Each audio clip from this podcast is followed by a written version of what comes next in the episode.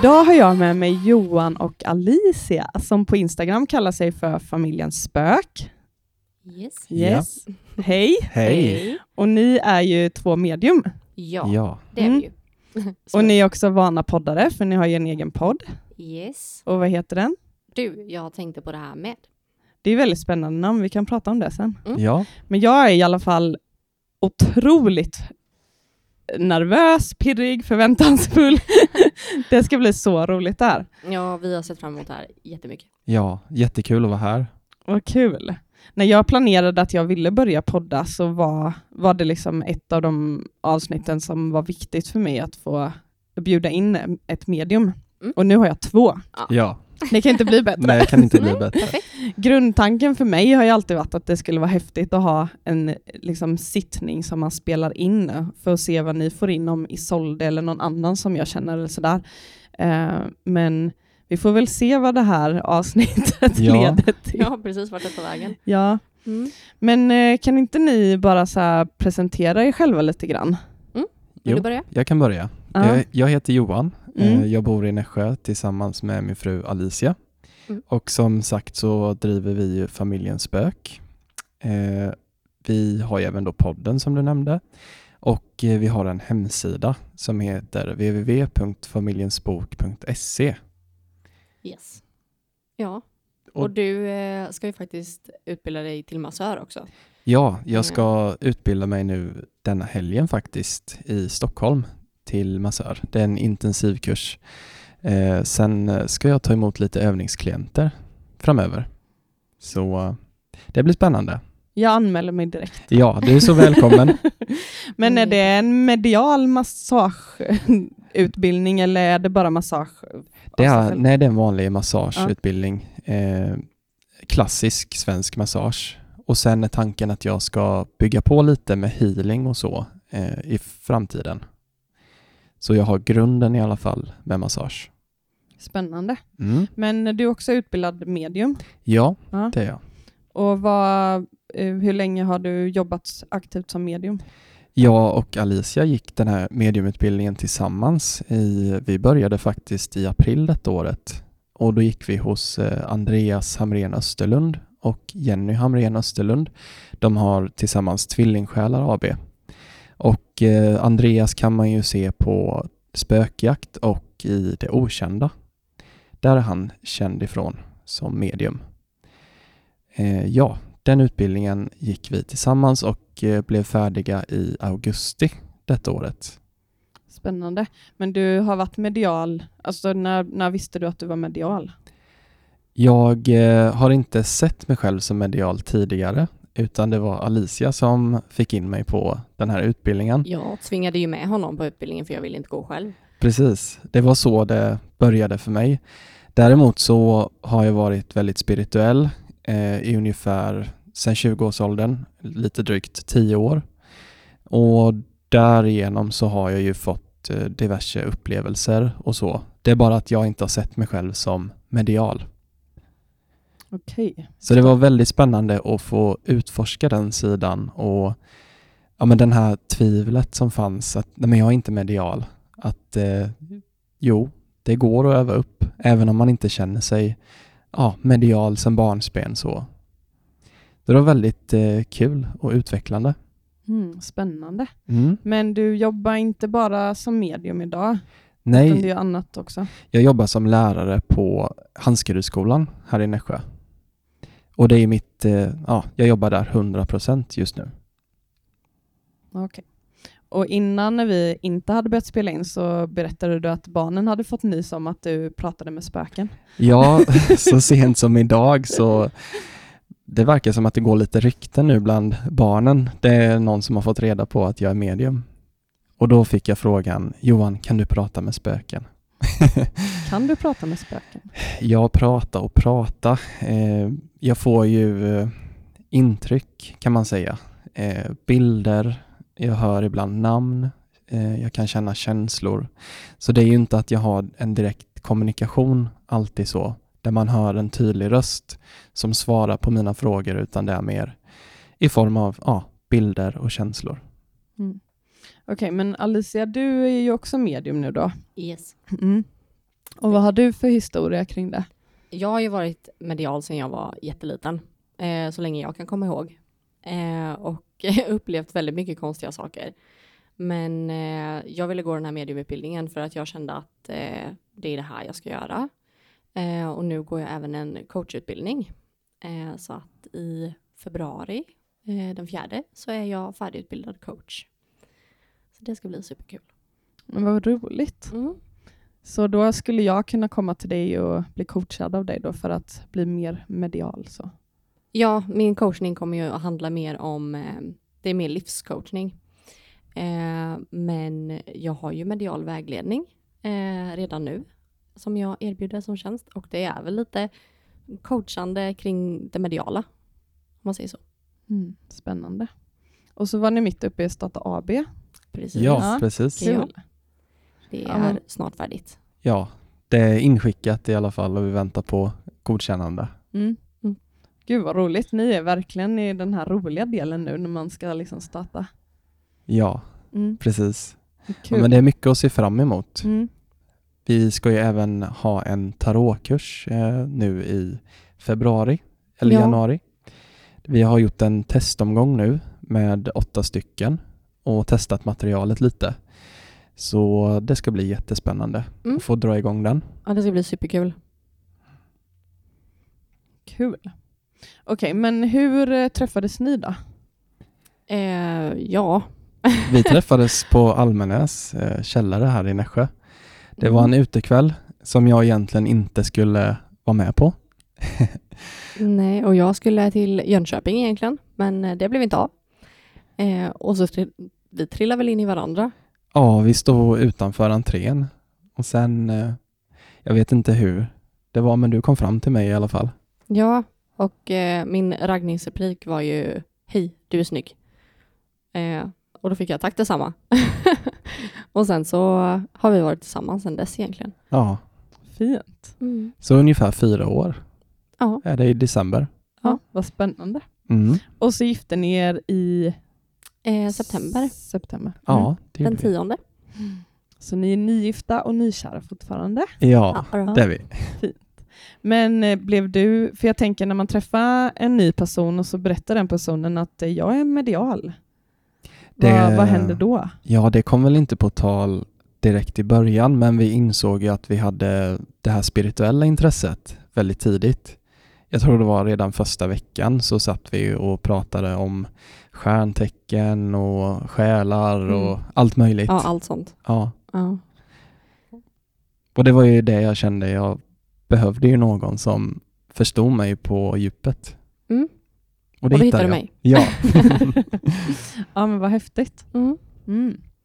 Ha, men jag, jag fick ett tips om er eh, och jag tycker att det är extra spännande att eh, möta och lyfta andra personer som Alltså dels bor ni i Nässjö och vi insåg att ni ser huset där jag bor från er balkong, så vi bodde ju Ja. väldigt nära varandra. Det är väldigt nära. Ja, och sen så just det här att ni gör ju en resa precis som jag gör. Jag gör, gör ju min resa in i, som handledare i sorgbearbetning och så. Jag har hållit på med det i ett år ungefär. Eh, och ni gör er resa medialt och haft med sig mig det genom livet på olika sätt. Mm. Och sen vet jag ju Alicia att du har ju burit på många olika sorger fast du kanske inte har vetat att det har varit sorger. Ja, Vi ska gå in på det lite sen. mm, det gör vi. Mm.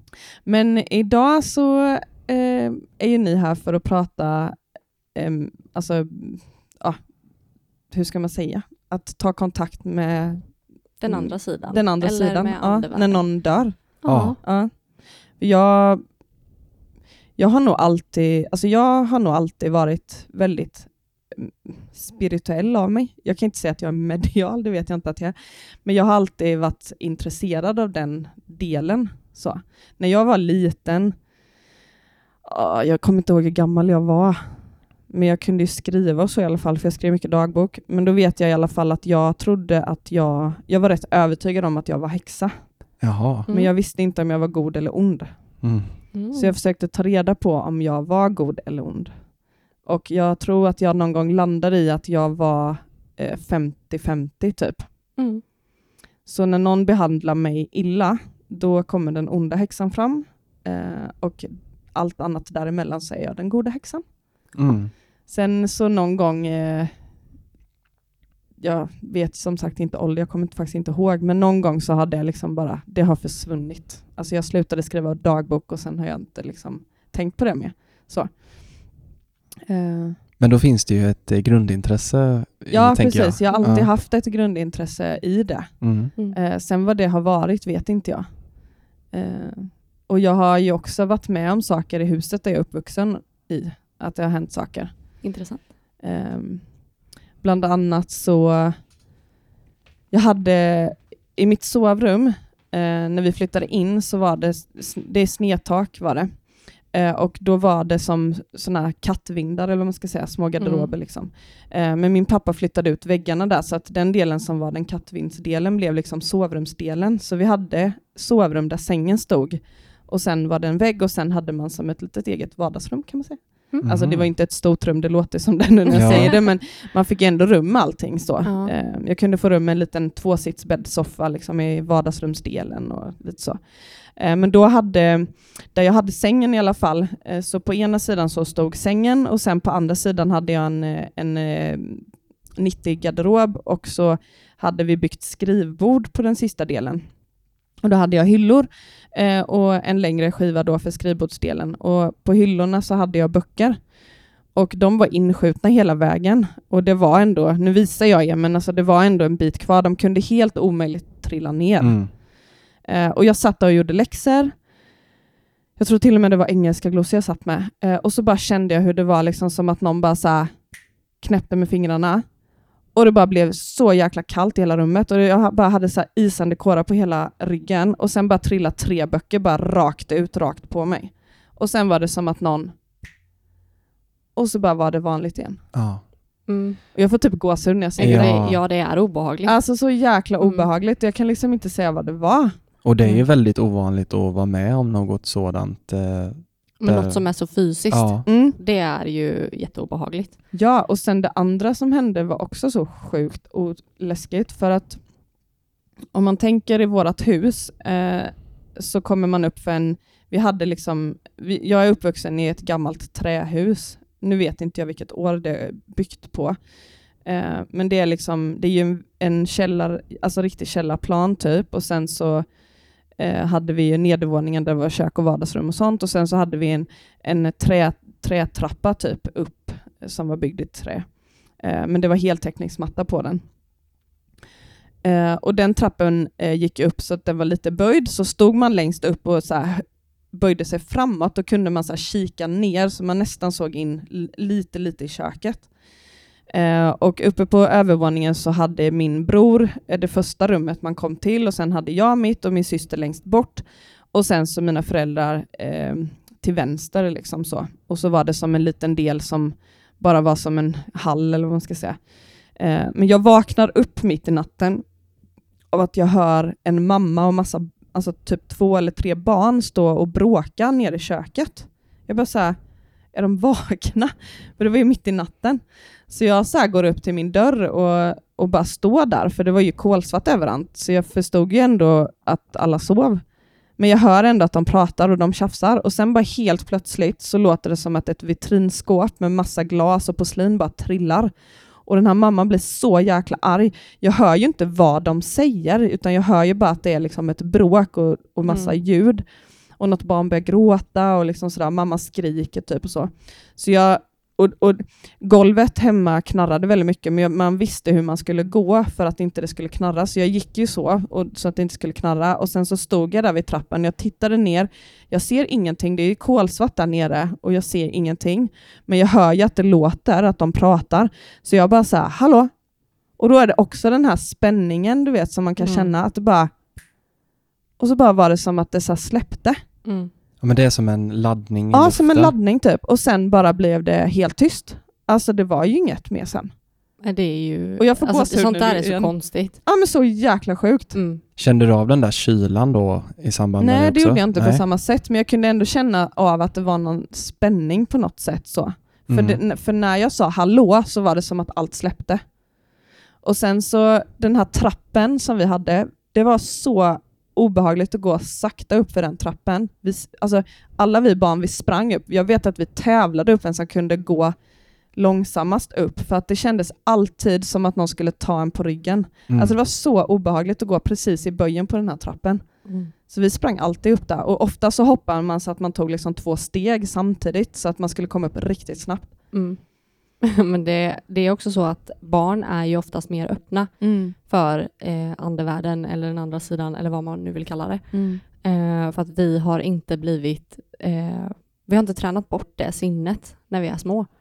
Eh, men det är ju sådär när föräldrar säger nej men det är ingenting, nej men det är ingen fara, det finns inte någon i garderoben eller sådana saker. Då liksom dämpar vi barnets intuition. Det är det som händer egentligen. Eh, så det är inte konstigt att man upplever saker när man är barn. Men ni berättade ju att ni också hade varit med om lite grejer. Vad har ni varit med om? Eh, vi har väl varit med om en hel del. Ehm, vill du börja eller? Ja, jag har ju inte varit med om jättemycket i min eh, barndom. Jag var tvärtom, jag ville att någonting skulle hända. För jag var så nyfiken redan då på spöken och allt det här. Så jag, jag hittade på att det spökade hemma hos mig bara för att jag ville att det skulle vara så. Du ville så gärna. Ja, jag ville så gärna. Men, eh, men om vi spolar fram till eh, tills idag ungefär. Vi var ju och besökte ett ställe som heter Frammegården. Eh, där har de ju varit eh, ja, på spökjakt. Eh, Ja, Ja. men det är ju ett av Sveriges mest hemsökta hus, ja, eh, sägs det. ja. Var ligger det någonstans? Eh, Det ligger i Värmland, eh, en bit utanför Karlstad typ, kan man säga. Mm. Men eh, vi var där och eh, det man kände så fort man kom in, det var, i alla fall jag kände att jag fick ett sånt starkt tryck över bröstet. Det, var, det gjorde ont att vara inne i huset. Det var svårt att andas typ hela tiden. Och det är en känsla som är väldigt eh, ovanlig för mig. Eh, sen satte vi upp lite utrustning för vi skulle kunna ja, filma och se om saker hade rört sig eller vi satte upp en sån här Kinect. Eh, och där fick Som är vi, till Xbox, eh, som mappar upp ja, den när man skickar spelar ut, bara med kroppen utan kontroll. Ja, den skickar ut typ som ljuspunkter som Mm. in, är infrarött ljus och sen känner den av om det är typ en gestalt. Ställer du dig framför kameran så ser du i kameran att det är du som en streckgubbe. Och eh, när vi bara riggade upp detta så såg vi en eh, gestalt i den här kameran då eh, av ett litet barn. Så det var ungefär till ja, höfterna på mig ungefär. Nej, fy vad obehagligt. Ja, så jag gick och ställde mig jämte det här barnet och såg då på kameran sen hur jag mappades upp och då försvann det. Sen när jag gick ur kameran, då kom det tillbaka. Så lite sådana där saker stötte vi på Ja, det där huset. Där upplevde jag ju också en hel del. Du såg ju saker. Eh, jag såg ju den här mannen som sägs bo där. Eh, vi var ju där med två kompisar eh, och de satt på ena sidan, det var som en eh, liten veranda på framsidan. Eh, och då satt de på ena sidan och jag och Johan satt på andra. Och då ser jag den här mannen komma bakom dem. Jag ser ett ansikte alltså, och han ser ju inte jätteglad ut. Eh, sen var det väl de här barnen, för det sägs att det är två barn som har gått bort i eh, vinden eh, som är högst upp i huset. Det var för övrigt där vi filmade ingången till vinden, där det här barnet Mm. kom. Där barnet dök upp, ja. Ja, Eh, men de här barnen blev jag väldigt påverkad av. För de, eh, de var så ledsna. Så jag satt faktiskt och, ja, men som, så som jag ser ut nu, nu ser inte lyssnarna det, men helt neutral. Och tårarna bara sprutar. Och jag förstår inte vad det är som händer. Men det är inte mina tårar. Eh, så det var väldigt kraftfullt. Eh, det var väl det som påverkade mig mest. mm. Då kände du ju av de här barnen Mm. när du blev Jag, påverkad. plocka in. Och jag tror precis innan det så hade jag sagt jag vill bara ha kontakt med de här barnen. Jag struntar i mannen. Jag vill bara veta att barnen är okej. Och det var de ju inte. Mm. Eh, Men du fick inte fram, alltså de kan inte berätta hur de har dött eller vad som hänt eller varför de bär så mycket sorg. Det är så mycket energier i det huset. Ehm, så där är det väldigt svårt att ehm, få något mer än bara att det är en sorg eller att man är ledsen. Ehm, men eh, jag tror också att det är energiminnen. Det är nog inte andar som är kvar. Eh, utan de går i sina mönster och det kan man nästan höra. De går i trapporna, de går på övervåningen och då är det exakt samma mönster hela tiden. Men vad är skillnaden då? För, för vad sa den nu? Energi, Energiminne. ja, energiminne Mm. kontra om det är andar som är kvar då? Mm. Andar Vad- vad är är ju någonting som vi kan få kontakt med. Eh, det är ju en person som har stannat kvar eller som har kommit tillbaka. Eh, Medan ett energiminne, det är mer eh, om det är en tumulthändelse, till exempel att eh, men någon har avlidit väldigt hastigt eh, eller på ett väldigt dramatiskt sätt, så kan det vara så att det sitter kvar ett minne av den händelsen. Och då är det inte själva personen som är kvar, utan det är minnet av händelsen som sitter fast. Liksom. Så om, om jag tar detta tillbaka mot Isolde då, för hon dog ju på ett väldigt fruktansvärt sätt, och vi skulle besöka rummet där hon dog i, då Mm. skulle du, om det fanns något sånt kvar, Mm. då skulle du kunna ta upp hennes känslor och kanske upplevelser från att hon dog. Ja, så kan det säkert vara. Eh, Fy vad det skulle obehagligt. funka. Mm. Och det behöver ju inte betyda då att hennes ande är där just då. Men att, ja men det är som du Att det säger. är känslorna som ja, i den dramatiska händelsen eh, har stannat kvar. Man brukar att det är så säga stora känslor. att det sitter i väggarna. Mm. Men det kan ju också vara om det är några som har bråkat väldigt mycket. Säg att det är ett par som har bott i en lägenhet och så har de bråkat varje dag om exakt samma sak nästan. Eh, och då kan ju det sitta kvar för de som eh, flyttar in efter det här paret. Och vet du vad jag kom på nu? En, en gammal vän till mig, och nu vill jag bara säga att den här historien kan ju, jag minns ju inte exakt hundra nu, men i stora drag i alla fall. Eh, så en, en tjej jag har gått i gymnasiet med, eh, hennes syster eh, flyttade in i en lägenhet där de kunde se, eh, dels tror jag att det var någon man som gick runt, men framförallt att det var ett barn som de kunde se. När de stod i köket så var det ett barn som gick förbi i öppningen och jag tror att man kunde gå runt i den här lägenheten. Och i lägenheten så var det som en liten eh, trapp upp till vinden. Men de hade ju liksom aldrig varit på vinden, men om det var barnen eller den här mamman, jag vet inte, men hur som helst i alla fall så eh, ja, de, de fick från det här barnet att de skulle gå upp på vinden. Så de gick till slut upp på vinden och uppe på vinden så var det Alltså förr i tiden så är det någon som har haft det som boende där uppe, för det var liksom tapetserat tror jag det var. Eh, och så hade de då rivit lite i tapeten och så kunde de se att det var teckningar undangömda bakom tapeten och de här teckningarna var väldigt sexuellt ritade. Så att den här mamman som bodde där fick en känsla av att det kändes som att det har bott ett barn som har blivit sexuellt utnyttjat eller något liknande i det här huset. Och då fick de veta att det hade bott ett barn i den åldern och en pappa i lägenheten innan de flyttade in. Så hon gick, om hon gick till socialen med detta och bara så här, vi har hittat det här, det känns inte bra. Um, och de tog kontakt med den här pappan och sen visade det ju sig då att den här pappan hade väldigt eh, mycket besök av olika typer av kvinnor och de hade då haft eh, sex när det här barnet var hemma och hon eh, gömde sig på vinden när de hade sex för att inte vara mitt i det. Och har ju då ritat, så att, och hon levde ju så då måste ju hennes energier vara kvar i Ja, den lägenheten. absolut. Alltså kan det vara så? Mm, absolut. För det, alltså För det jag vet att när, hon, när de berättade henne. det så vet jag att jag blev så Alltså jag blev så berörd av det men också så var det så svårt för min hjärna att fatta hur det kan bli på det sättet för man tänker ju alltid att det är kopplat till att människor är döda. Mm. När Nej, man det ser behöver ju saker. inte vara det. Utan det, jag kan känna av dina energier, samma sätt som att du känner av att när du kommer hem att din man kanske är på dåligt humör, Mm. utan att han egentligen har sagt någonting. Eller utan att du kanske har sett honom. Mm. Eh, på samma sätt funkar det ju med det mediala. Det är ju att vara medial egentligen. Mm. Eh, att man känner av energier. Wow, vad häftigt ändå. Mm. Mm. Men det här är ju fruktansvärd berättelse. Ja, ja, alltså nu, den här pappan var inte på något sätt, alltså han var inte dum mot barnet eller så, Mm. det var bara att han har väl kanske inte tänkt att hon blev så påverkad av att hon Men det blir ju trauma. Ja, men precis. Så att, eh, men eh, det, alltså det blev nog ändå bra för dem, så sett. Mm. Men det, det, ma- man förstår ju om hennes energi var kvar i lägenheten så var det ju ett enormt trauma Mm. för den här lilla flickan. Precis. Mm. Ja, men det är ju Ja. jättejobbigt. Mm. Mm. Ja, men eh, okej, men jag, för jag tänker så här. Jag har ju frågat det lite innan och vi har ju inte riktigt bestämt, men jag skulle ju jättegärna vilja typ få kontakt med Isolde när vi sitter och pratar nu och se vad ni kan få in och sådär.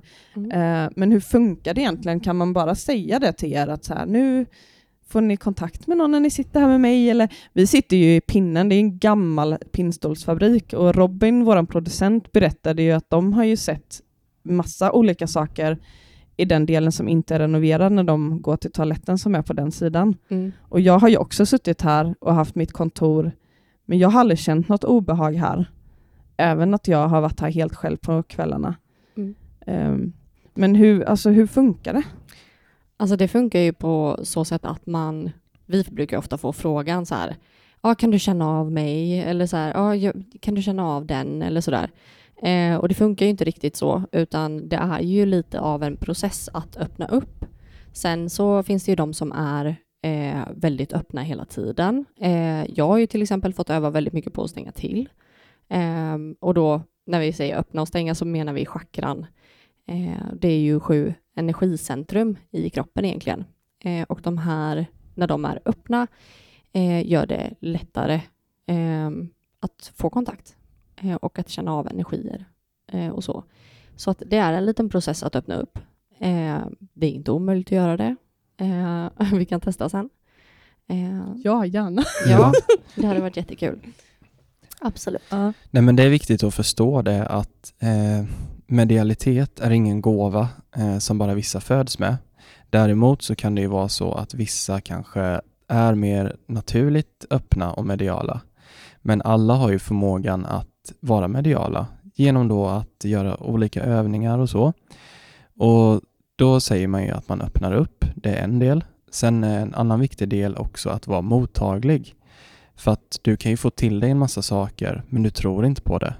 Din, eh, du har för mycket av din eh, rationella hjärna som försöker bortförklara allting som Om lite- naturligt. Ditt ego, Ja, dina egna tankar. så mycket av vara medial handlar också om att kunna sätta din, din rationella hjärna åt sidan och inte överanalysera det som kommer till dig. Eh, att du tror på det som du upplever. Så det är två, två ben att stå på kan man säga. Mm. Och alla kan träna upp det. Ja, och vi är ju ja, men ett jättebra exempel. Jag har ju varit medial sedan jag var jätteliten, har haft eh, alla möjliga upplevelser hela mitt liv. Eh, Medan du kämpade för och ville ha upplevelser. Ja, Eh, precis. men du har ju med de här övningarna och hela mediumutbildningen så har ju du eh, men blivit minst lika mottaglig och öppen som jag. Ja, det är bara att jag kanske har en, en på-knapp som inte alltid är på. Eller om man ska säga antenner som inte alltid är utfällda.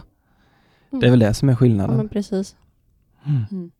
Men är det någon av er som har känt någonting sen vi kom in i den här byggnaden eller sen ni träffade mig eller Robin eller praktikanten som är med eller något sånt? Jag är inte öppen just nu, så Nej. jag har inte känt någonting. Men jag tänkte att jag skulle öppna upp och gå igenom det sen, eh, Mm. där de har känt sånt obehag. Just det. Mm. Eh, det är intressant. Nej, och jag har inte heller upplevt något konstigt. Utan det känns som en normal byggnad just nu. Mm. Mm. Ja, får vi se sen då. Vi får ta en paus sen och så får vi återkomma när vi Ja, har det får vi att göra. det. Ja. Det får vi göra. Mm. Okej, men jag ställde ju lite frågor på Instagram om, de, om våra följare ville vara med och, och ställa lite frågor till er. Mm. Eh, och det har kommit in lite grann, så jag tänkte att vi kunde se lite vad de undrar. Ehm, det var en som undrade, får man boka privat sittning online? Alltså vi har ju våran boka direkt Mm. eh, och det fin- vi kör ju online. Eh, vi kör via videosamtal och bor man i Nässjö så är man jättevälkommen att komma hem till oss. Eh, så sitter vi i vårt vardagsrum och har det lite mysigt. Mm. Eh, så det funkar jättebra. Yes. Eh, sen var det en som undrade, hur tydligt ser eller hör ni dem ni kontaktar och hur mycket bakgrund behöver ni, innan? Det var en jättebra fråga. Mm. Och eh, alla medium är ju olika. Eh, jag och Alicia är väldigt olika i hur vi jobbar som medium och i våran medialitet. Eh, jag kan bara prata utifrån hur jag upplever det. Det är att eh, många har säkert en föreställning om att man kan se någon i rummet, eh, höra väldigt tydligt röster och sådär. Vissa kanske är så pass mediala att de gör det. Men för mig så är det som jag sa innan att eh, jag blundar och känner av väldigt mycket inom mig själv. Och Sen kan det vara så att jag ställer frågor tyst för mig själv, alltså jag, som att jag sänder ut en fråga. Och eh, då kan jag få svar och då blir det som att jag ser antingen en stillbild eller att det är som en liten rörlig filmsnutt som återupprepas. Och eh, då försöker jag beskriva så tydligt som möjligt med mitt egna vokabulär och mina egna erfarenheter vad det är jag faktiskt ser. Och där kommer ju min eh, tillit in att här måste jag tro på vad jag upplever och sen förmedla det så tydligt som möjligt. Sen kan det vara att jag även hör ett namn. Då brukar jag säga att jag hör ett namn nu och det släpper inte förrän jag har sagt det. Så det är nog väldigt viktigt att jag får det sagt. Eh, och då säger jag att det låter som till exempel Anna. Men det skulle även kunna vara Ann eller någonting åt det hållet. Så det, det är inte alltid glasklart men det brukar alltid vara en fingervisning om vad det är för namn. Man behöver vara lite open-minded Ja, eh, och inte, inte haka för, upp sig ha på. st- för stort fokus på bara en person. Säger jag till exempel, jag hör namnet Anna och sen säger klienten, ja, ja min mamma hette ju Ann-Katrin. Då skulle det även kunna vara det namnet. Ehm, ja, så det är namn jag kan få till mig och eh, sen är det även att jag kan eh, bli påverkad av känslor. Jag kan känna mig plötsligt ledsen, eh, känna en sorg över någonting och då kommer det oftast i samband med att jag ser en bild eller en liten filmsnutt. Eh, sen kan jag även bli påverkad om någon vill visa mig hur de har dött. Till exempel om det rör sig om ett hjärtfel, en stroke, då kan jag få en känsla i det området och säga till klienten att eh, nu tror jag att eh, den jag har kontakt med försöker visa mig någonting om hur de sista dagarna var i livet. Och eh, jag skulle kunna tro till exempel att det är en hjärtinfarkt, för det känns i mitt hjärta. Så det, det är på det sättet jag upplever saker. Mm. Ja, och vi upplever ju som sagt saker ganska olika. Eh, jag ser ju väldigt mycket. Eh, jag kan se liksom eh, gestalter eller eh, ja, men, eh, nästan fysiska personer ibland. Eh, och det kan vara ganska obehagligt. Eh, men sen så, jag hör inte lika bra som Johan. Eh, han hör ju mycket mer än vad jag gör. Däremot så hör ju jag när det är aktivitet hemma i vår lägenhet till exempel, eh, när det är aktivitet på platser, så knackar det eller smäller det eller knäpper det eller någon som pratar till exempel, då hör jag ju det ganska tydligt. Men vid en privatsittning till exempel, då brukar inte jag få till mig eh, att jag hör saker på det sättet, utan jag får mer känslor och som Johan säger här med att eh, kring bortgången, eh, jag brukar ju få ganska rejält ont eh, om det är någon som har fått en stroke. Eh, då har jag jätteont i huvudet eh, efteråt. Eh, så att det är lite nackdelen med att vara jätteöppen. Det kan bli lite svårt. Mm. Men ni har ju också varit hemma i vårt hus. Mm. Eh, och mm, jag har ju jag har vid två tillfällen haft sittning eller över telefon med ett medium som heter Hannu Koskinen. Mm. Eh, som eh, jag är jätte, jättenöjd med. Så han har verkligen satt fingret på allt i princip. Eh, men han har ju också sagt att Isolde försöker ju ta kontakt med mig genom typ knackningar, leksaker som sätts på, alltså alla sådana saker, så har han frågat om jag har märkt någonting. Samtidigt har han också sagt att på grund av sorgen så har jag varit så stängd så jag har inte kunnat eh, märka av det. Eh, men när ni var hemma, eller för då tänker jag på dig Alicia som ändå är öppen, eh, kanske lite mer. Kände du av någonting i vårt hus?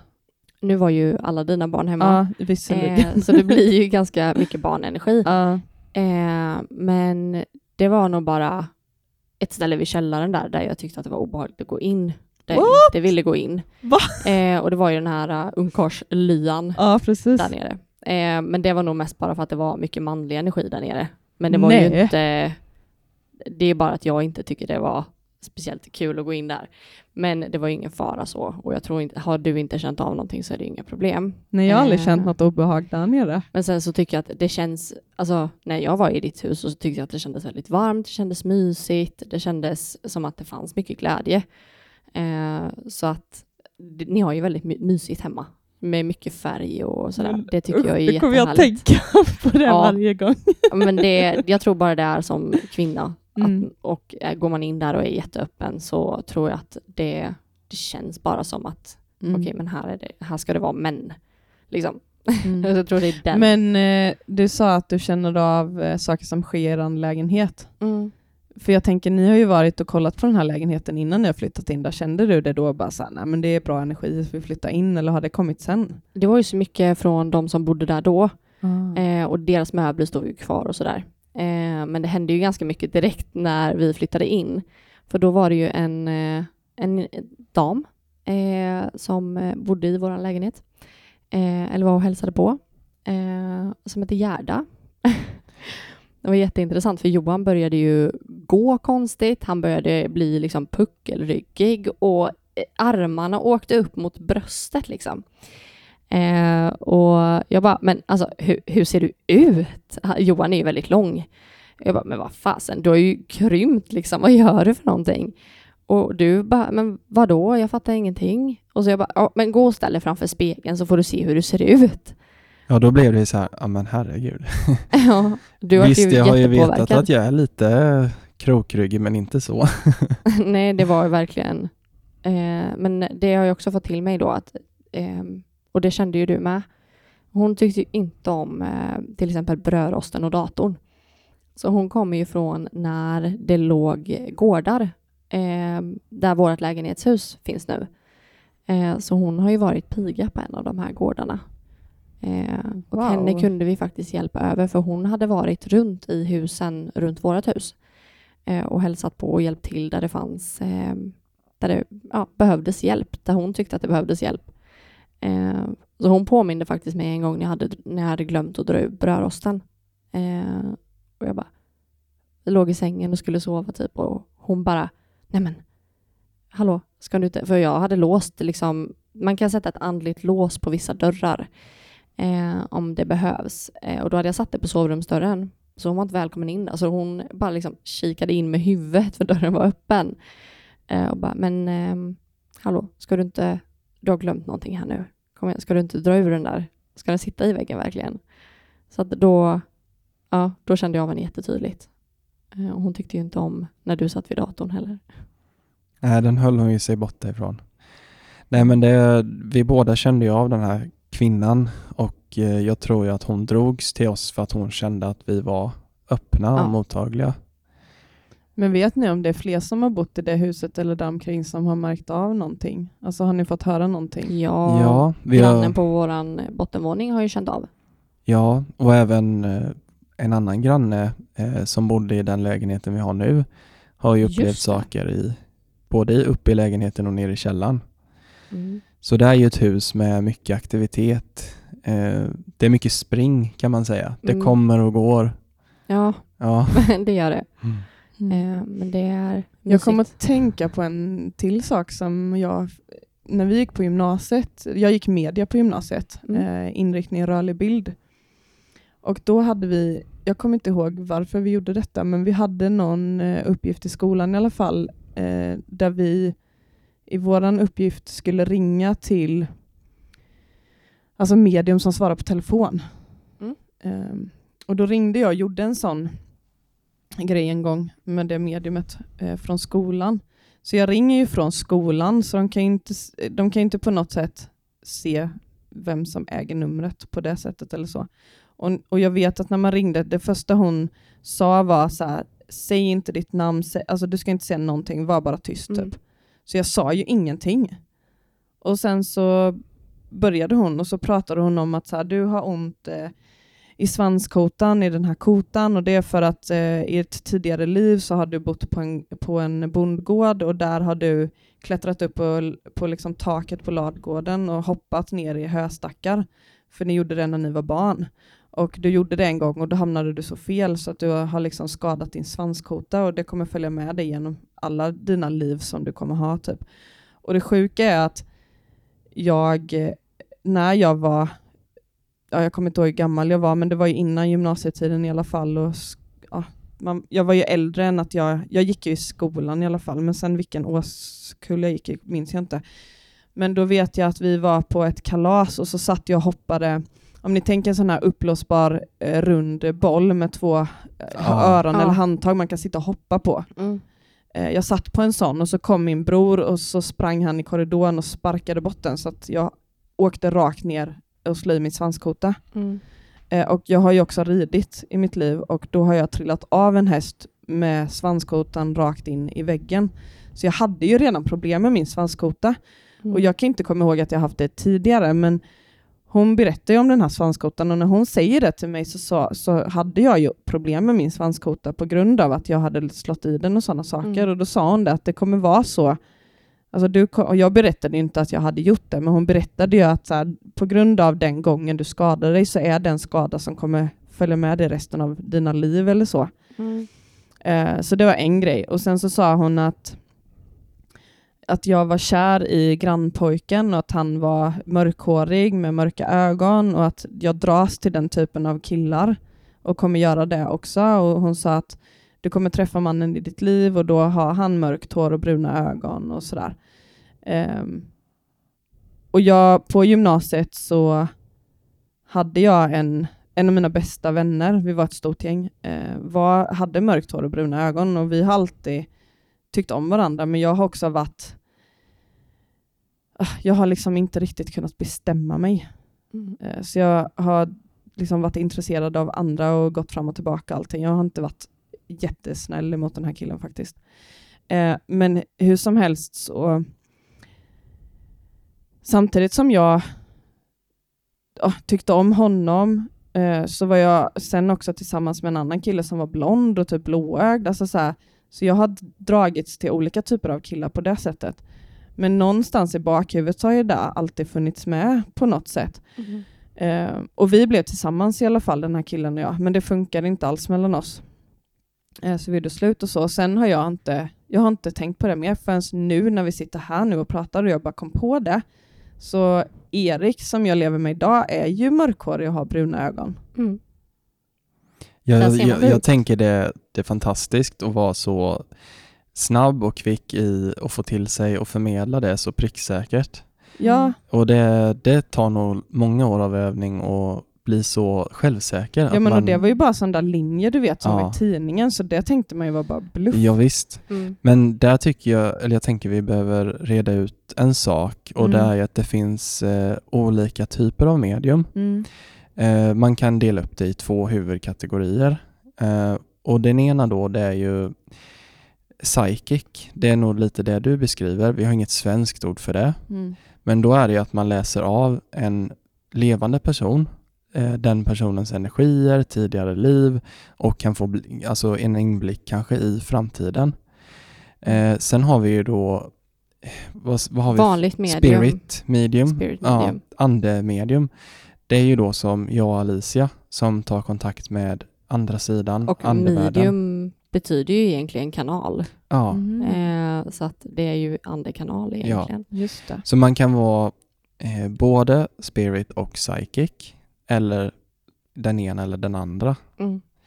Och jag tänker det här som du sa i början där, att hon inte ville ha någon information. Mm. Eh, för det var också med i frågan där som jag tror på Instagram. Ja, precis. Eh, vi vill ju inte ha någon som helst för, förhandsinformation egentligen.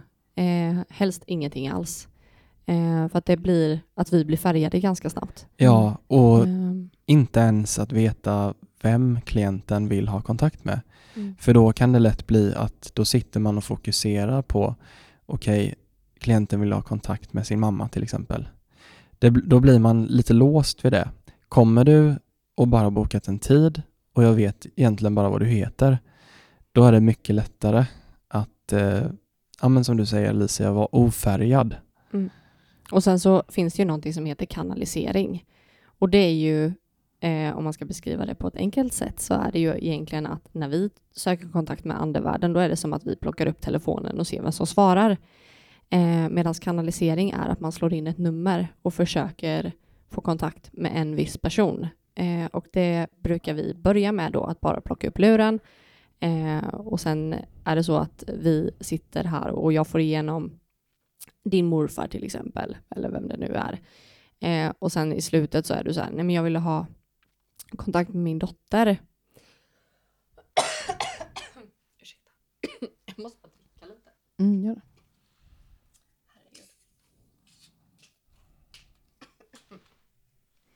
Så fort ni vänder bort huvudet så här så kommer inte det in i micken.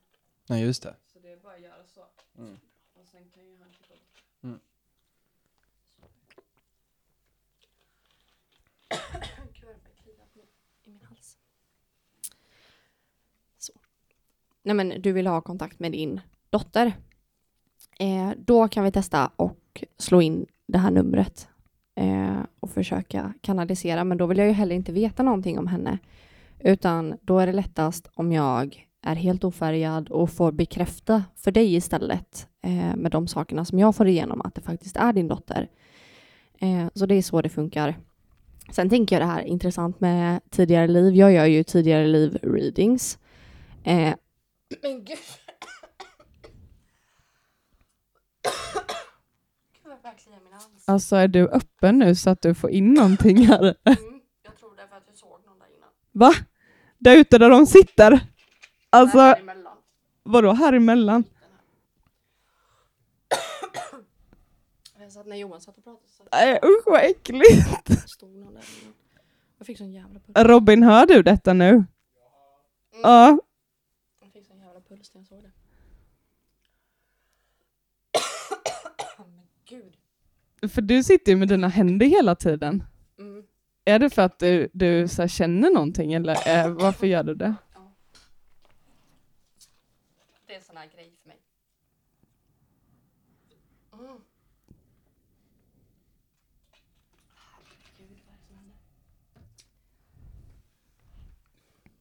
Jag tror att det är någon som... Ska vi ta, vi, behöver du ta en paus? Det är lugnt. Ja. Det jag skulle säga, Ja. det var att jag gör ju tidigare live-readings. ja. Eh, och det är ju absolut saker som kan följa med en genom alla liv. Men fysiska saker på det sättet brukar inte följa, följa med på det sättet. Så att i nästa liv så kan du nog vara ganska lugn med att du kommer inte få ont i din svanskota. Ehm, så att det är ju någonting som jag jobbar med. Eh, och det är oftast mest eh, känslor eh, som man har på insidan, själssår, utan kroppen följer ju inte med. Och sådana här kroppsliga saker är ju, då kanske det är mer att man, ja, men din personlighet, din själ är lite klumpig. Så räkna med att du kommer bli skadad eller du har blivit, alltså du har eh, klantat till det i flera liv. Eller det har hänt olyckor. Eh, så det kan vara en sån där sak som är återkommande men som man kan komma över, tänker jag. Till exempel en oförklarlig rädsla för vatten eller en rädsla för höjder. Det är ju två vanliga exempel på trauman från tidigare liv som har satt sig då. Ja, precis. Och Jaha, det är ju jag är sånt ju som vi... Jättehöjdrädd alltså. Jag Mm. också. Jag kan inte ens gå upp på femman, alltså trean i badhuset tycker jag är Ja. skitobehagligt. Ja, det är samma för mig. Och jag drömmer ju väldigt ofta drömmar om att jag är uppe på någon ställning eller någonting och sen tappar jag fästet och faller. Så jag tror att det är Du har någon... nog dött så. Ja, Jag tror och det det här är ju ganska intressant. För det har jag ju fått igenom faktiskt. Jag gjorde ju en reading när jag övade. Så gjorde jag ju det på Johan.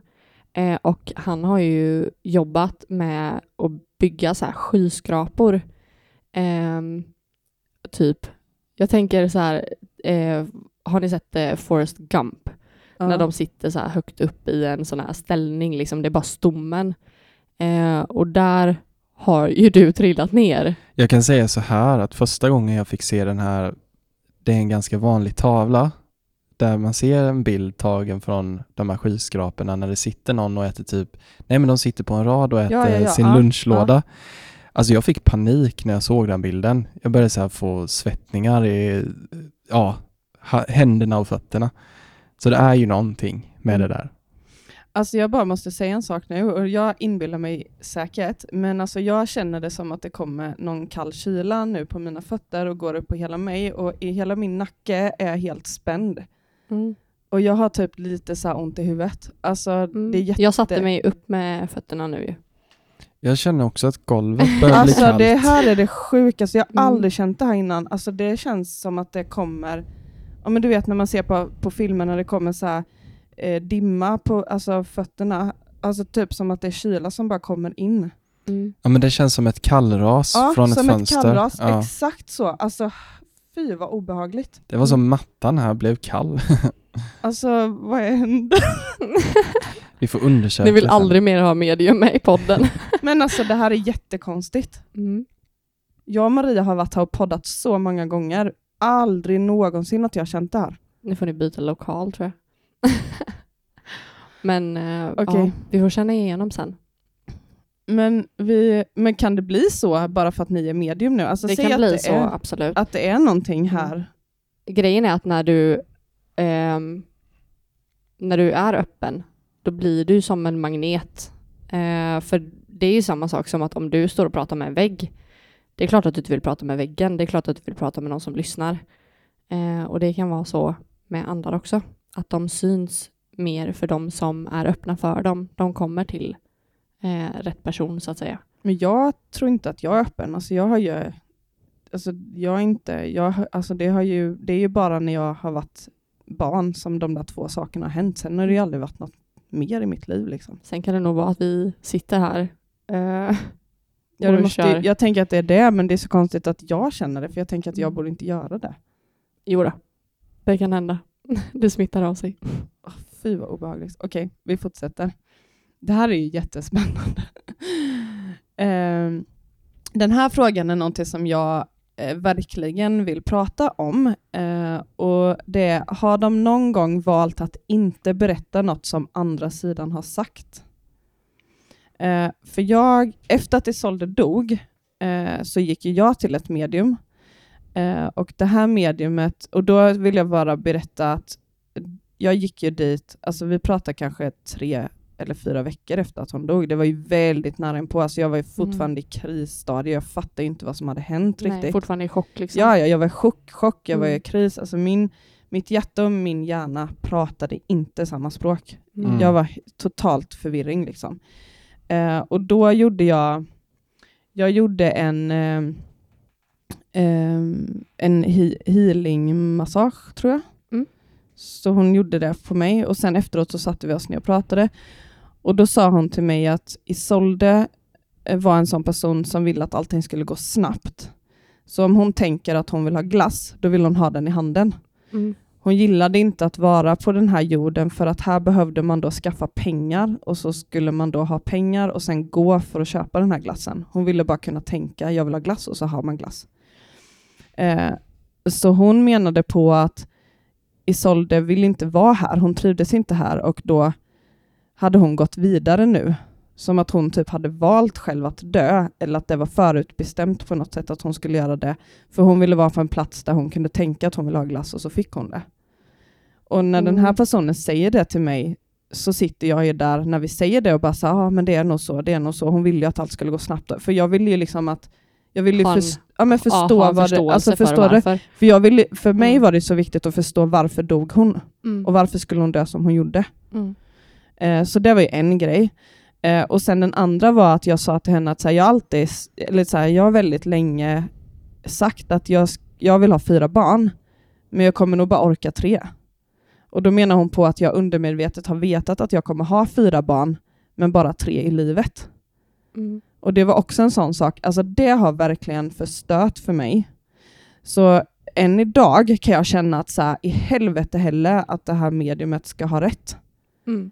Jag ska skaffa fyra barn som lever. För det ska Ja. inte vara rätt. Nej. Så de två sakerna har verkligen, alltså det har förstört jättemycket för mig.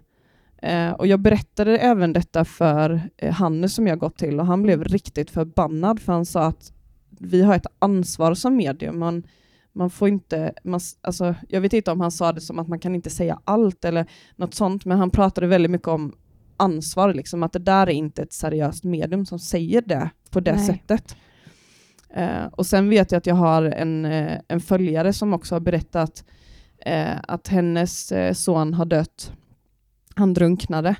Eh, och hon har fått till sig att den här sonen fortfarande är kvar i huset och undrar varför han nu, nu, jag vill bara säga nu när jag säger det här att det kanske inte är hundra rätt exakt, Mm. eh, men något, något i stil med att, att han är kvar i huset och inte vet varför han är död eller varför han inte får komma tillbaka till familjen, att han vill lägga sig i sin säng och vara med sin bror och liksom sådana saker. Så den här mamman har ju också svårt för att kunna liksom på något sätt gå vidare i sin sorg. Alltså förstår ni? För Mm. det är ju en process i att här, man ska göra om rummet och liksom sådana saker, men det går ju inte. Han är ju där. Och hon har också fysiskt sett att han är där. De känner av honom. Leksaker flyttar på sig, alltså bollar rullar, alltså alla sådana saker. Så att han är ju där. Och då är han ju fast, tänker jag, eh, som inte kan någonting om detta. Mm. Eh, men vad har man egentligen för ansvar som medium? Ska jag ta det? Ja, absolut. Så här är det ju, man följer ju som i alla yrken en viss etik och moral eller vad man ska kalla det. Vissa saker eh, pratar man inte om, till exempel framtiden ska man ju undvika, eh, sjukdom, död, alltså allting Och som... graviditet ska man Ja. absolut inte... Jag jobbar ju med tarot och där tittar vi ju lite på framtiden. Men det är ju utifrån det perspektivet, vad bör du ha i åtanke för dig själv? Eh, så framtiden på det sättet är ju inte... Men alltså att sia i framtiden, det är ju inte någonting man egentligen gör. Eh, sen tänker jag att vissa saker, det säger man inte som medium. Eh, graviditet och barn är ju väldigt eh, känsligt. Eh, och det, jag blir också arg när jag hör vad du har varit med om. För att jag tycker inte att man... Eh, alltså ett barn väljer aldrig att lämna jorden, så det, det är liksom helt fel. Eh, jag tycker bara inte att man säger det överhuvudtaget. Eh, och det är helt orelevant eh, i att vara medium eller i att du kommer till mig så behöver inte jag berätta det för dig. Och även om jag skulle få till mig det så kommer jag inte säga så, för det, nej, man kan lägga fram det snyggare i så fall. Jag blir bara, jag vet inte ens vad jag ska säga för jag blir så arg. Det kokar. Ja, nej men det finns ju många olika sätt att se på det här med att livet är orättvist, varför vissa dör när de är så små och så vidare. Men som du säger Alicia, det, det är ju inte det man vill höra. Till exempel då att det kanske fanns en plan. Eh, inte att man föds och kommer på att nej, det var inte här jag ville vara, men mer än, mer än att det finns en plan eh, som man följer kanske, men som man inte riktigt förstår när man är här. Men det förstår man när man Själsligt. är själsligt. Ja, på liksom. ett själsligt plan. Men det är Vi, inte... har, vi är ju av den uppfattningen att vi alla har en roll att spela. Eh, och att vi sätts här på jorden för att spela vissa roller. Eh, vi kan ta ett exempel som är eh, en mamma och en son. I det här livet så är mamman fruktansvärt elak mot sonen. I deras tidigare liv så var det tvärtom. Det kallas ju för en karmisk själsrelation. Sen har vi ju eh, själsfränder, det har ju alla hört om. Eh, och det kan ju vara att man också följer varandra genom liven och att man kan vara en vän, att man kan vara eh, mamma, pappa eller vem som helst. Eh, sen så har vi ju tvillingsjälar till exempel, då är det ju en själ i två kroppar. Eh, så att jag tänker att det är ju också en viss uppfattning och det är ganska stort att läsa in sig på det. Eh, men sen så, jag tror inte att man kommer till den här planeten och bara, nej men gud, här vill inte jag vara. Så att nu sticker jag. Nej. Det funkar inte på det sättet. Skulle det vara som i ditt fall då Helena, att jag vet om att är, du har förlorat ditt barn. Jag skulle ju aldrig säga det. Med den vetskapen jag har så vet jag att det skulle inte göra dig något gott att få reda på det just nu. Och det känns som ett medium som är lite, eh, som, ja, som du säger, inte är så seriöst, som inte har läst på, som inte har kollat sin fakta. Nej men jag, jag tänker så här, man måste alltid lägga fram det på ett sätt att man kan inte vara bombsäker. Nej. För det låter ju som på det här mediumet att hon är bombsäker på hur det ligger till. Och det måste man alltid ha med sig att eh, som medium så beskriver man det man får till sig eh, på ett så bra sätt man bara kan, ofiltrerat. Eh, men man kan aldrig vara, garantera någonting, utan det måste man vara väldigt noga med att säga. Och vara ödmjuk tror jag. Mm. Men det finns ju saker då som vi undviker kanske att säga som är väldigt känsligt.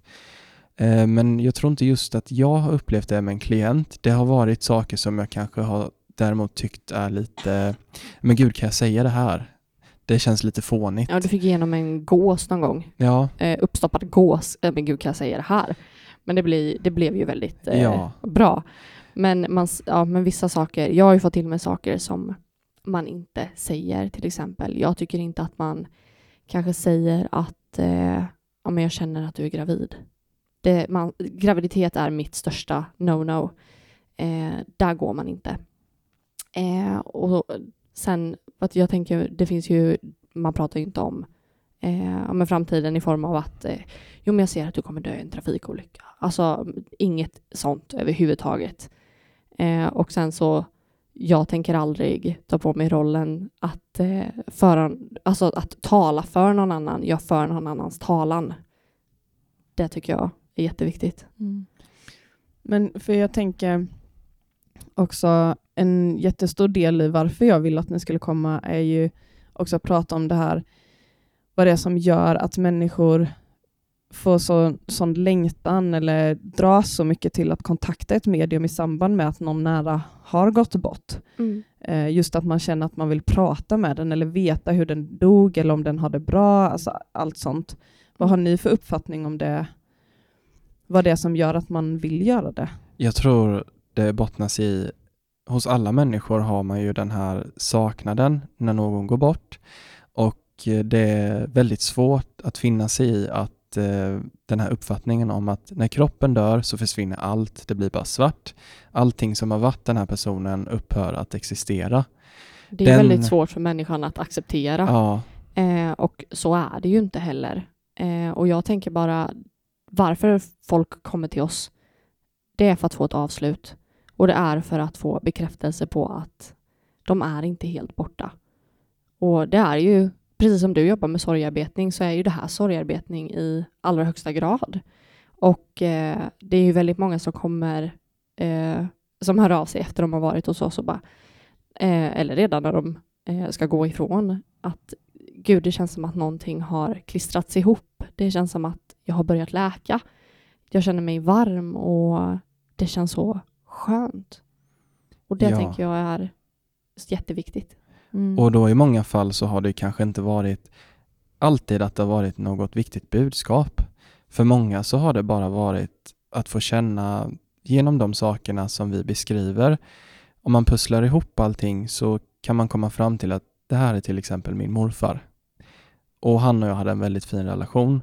Alla de här sakerna som du har lagt fram kan du omöjligtvis veta, till exempel hans namn, vad han gillade att göra, hur han dog, hur han spenderade sina sista dagar och något barndomsminne.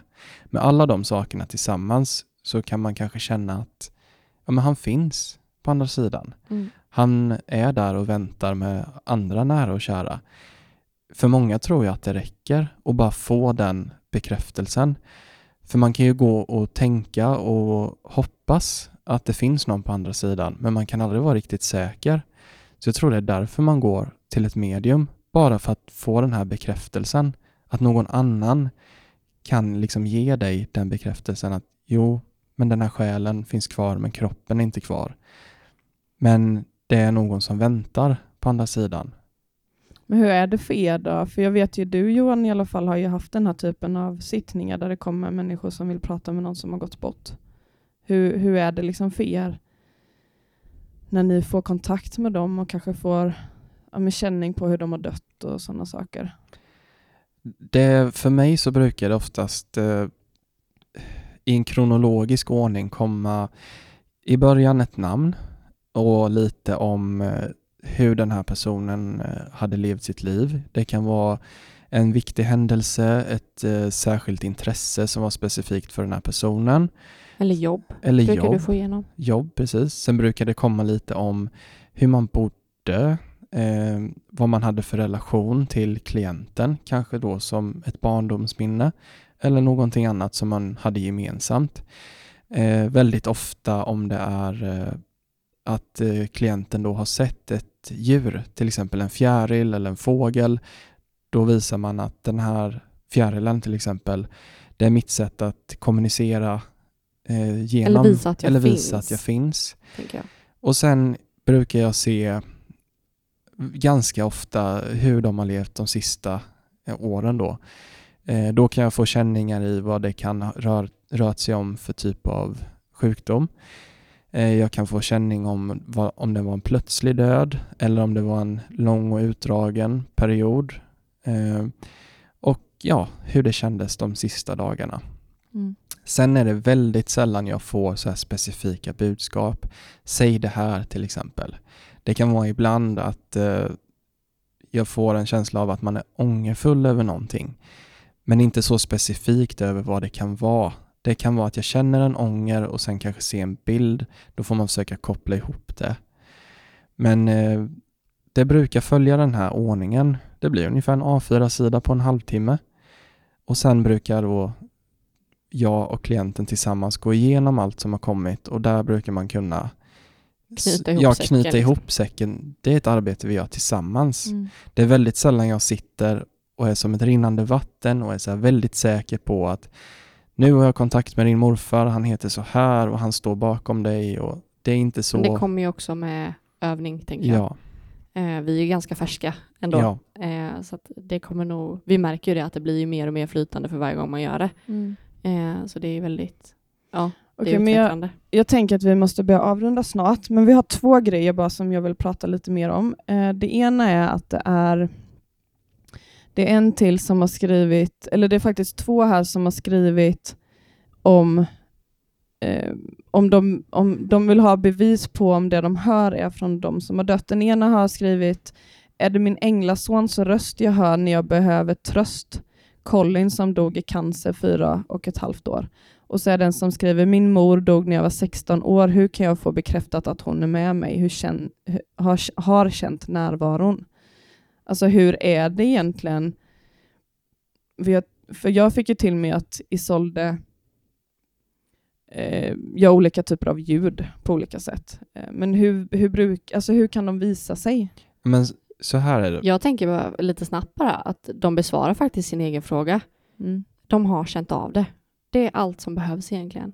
Så Det man får bara lita på sin intuition helt enkelt. Ja. Det är verkligen det som är det viktiga här. Att man litar på sig själv. Alltså jag ska berätta en sak. Härom natten så vaknar jag eh, av att vi har en vällingmaskin. Mm. Eh, och det är ehm, en baby breezer. Eh, och då lägger man i välling och man häller i vatten och så blir det rätt temperatur liksom, och den ja, blandar i, i rätt mängd. Eh, men för att den ska göra det behöver man ju liksom aktivt trycka på en knapp. Men för några nätter sedan, då bara sätts den igång. Så jag vaknar upp av att den startar och det är efter att jag har haft ett, ett samtal med han nu där han säger att Isolde försöker fortfarande få kontakt liksom genom. Så jag bara sätter mig upp och jag så här säger till Erik, jag bara Erik, det är någon i huset. Så här, Vällingmaskinen gick igång. Mm. Och innan dess hade jag också hört att någon gick upp. Alltså det lät som att någon var i köket, men alltså jag vet ju att inte det var några av barnen, för jag hör exakt när det är dem, och det var inte det. Men jag vågade inte gå upp själv, så Erik fick ju vakna, så han och jag tassar upp tillsammans in i köket, och det bara är välling liksom över hela bänken. Mm. Och jag bara så här, vad i sjutton liksom. Mm. Så vi torkade upp allting och sådär. Och sen var det inget mer. Och sen vet jag inte om det var dagen efter på morgonen som den satte igång igen. Och sen nu efter det så har den liksom inte funkat som den ska. Och då tänker jag, först tänkte jag ju, för Erik sa till mig, han bara det är nog Isolde. Och han tror egentligen inte på sånt, men han ville möta mig i mitt troende där lite. Mm. Så det var väldigt fint av honom. Absolut. Men sen då när den gör så igen på dagen och sen att det blir så här att den, för, för nu om jag sätter på den, då bara hoppar den så här i, dis, i displayen, så då tänker jag att det är något fel på den. Så det var ju inte i sålde tänker jag då. För den kan inte ha gått sönder när det blev välling över hela...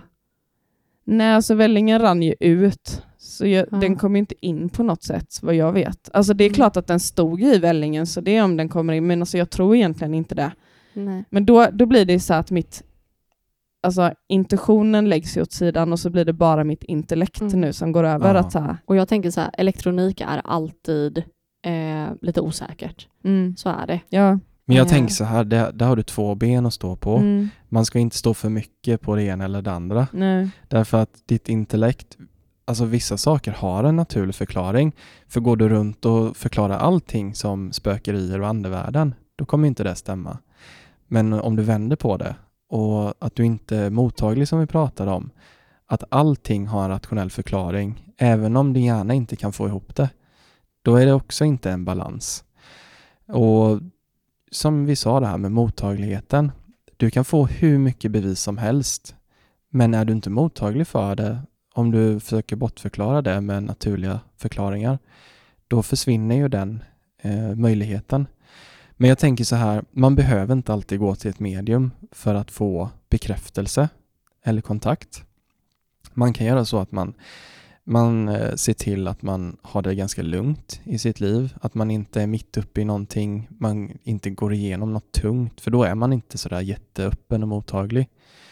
Man känner man har kommit över en hel del saker och sen sätter man sig och sen skickar man ut en intention om att göra ett tecken. Jag vill gärna ha kontakt på något sätt.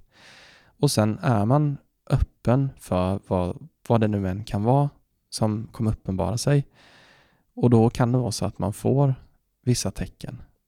Mm. Och jag tänker det att, eh, att ditt medium, nu säger jag ditt medium, eh, att han eh, säger det att eh, men hon försöker få kontakt. Ja, men har du jättemycket i ditt liv just nu? Det är en stressig period. Det är eh, massa knoddar där hemma. Det blir mycket. Och stress är ju eh, mediumets värsta fiende. Eh, det är väldigt jobbigt när det är stressigt. Det är svårt. Eh, så det är inte konstigt när man är i en sån period i livet att man inte uppfattar signalerna helt och hållet. Mm. Okej, men jag tänker att vi måste avrunda. Vi har Mm. fortfarande inte pratat om psykisk ohälsa och sorg kopplat till det, Mm. som jag vet att du, du pratar mycket om Alicia på din Mm. Instagram och sådär. Men vi får nog nästan ha ett avsnitt till tror jag, för att vi har verkligen inte hunnit prata klart. Nej. Och jag vill bara säga innan vi avslutar nu att nu sitter jag här med er. Vi har släckt rummet, vi har tända ljus. Jag har känt hur kallt det blir på golvet. Jag har känt att det känns konstigt i min kropp och just exakt nu så har jag så jävla ont i min högra axel och jag har typ nackspärr. Och jag hade inte det innan vi började, så det är någonting skumt som händer när ni är här. Det är jättekonstigt för jag har haft ont i min eh, axel när jag var hemma idag. Och jag kan ju få känningar eh, innan, det är ofta det händer för mig, eh, innan jag ska eh, träffa Alltså någon. jag får gåshud när du Eh, säger det. Så att det har jag känt hela dagen idag. Och Eh, jag- Och det är ju svårt att bevisa, men Det är det. Mm. då får man ta mitt ord för det. Men okej, men vi avslutar nu med inspelningen och jag tackar så mycket för att ni kom hit. Ja, tack för Tack att vi fick vara med. vi måste nog verkligen göra fler avsnitt. Absolut. men när vi slutar spela in nu, då får ni testa att öppna upp er så får vi se vad ni hittar i den här fabriken. Absolut. Det ska vi göra. Ja. Vi ska gå runt lite. Det blir Ja. kul. Mm. Ja, Men eh, tack så jättemycket för att ni kom. Tack. Ja, stort tack.